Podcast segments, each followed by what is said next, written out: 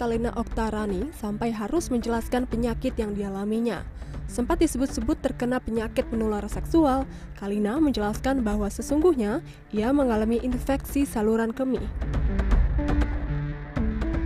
Infeksi saluran kemih atau ISK adalah infeksi pada organ sistem kemih, yakni ureter, ginjal, kandung kemih, dan uretra.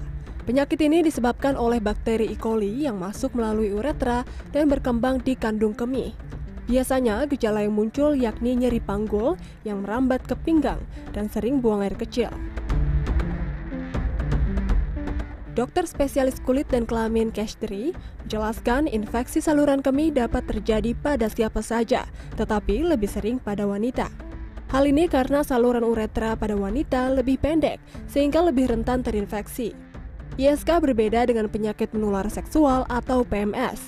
ISK disebabkan oleh bakteri dan tidak menular, sedangkan PMS disebabkan oleh virus dan menular melalui hubungan seksual. Nyeri panggul dan sering merambat ke pinggang. Dan yang paling sering tuh buang air sering tapi sedikit-sedikit. Kalau orang awam sering bilangnya anyang-anyangan.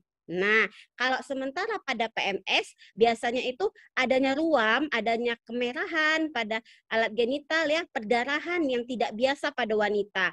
Eh, seperti menstruasi tapi bukan menstruasi, dia seperti perdarahan post trauma. Kestri menambahkan, ISK diobati dengan konsumsi antibiotik analgetik. Antibiotik berfungsi untuk membunuh bakteri, sedangkan analgetik untuk menghilangkan nyeri terutama pada panggul.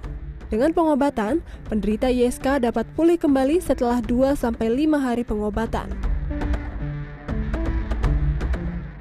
Dokter Kestri juga menyarankan untuk tidak menahan buang air kecil dan selalu menjaga kebersihan.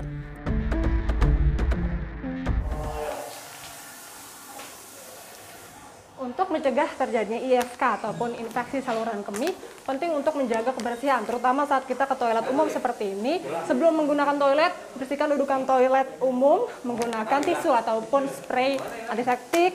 Kemudian juga setelah kita buang air kecil, gunakan air bersih dan juga tisu kering. Tentunya hal ini untuk mencegah masuknya bakteri melalui saluran uretra dan yang dapat menyebabkan infeksi saluran kemih. Syifa Nita, Kurnia Yuniarwan, Jakarta.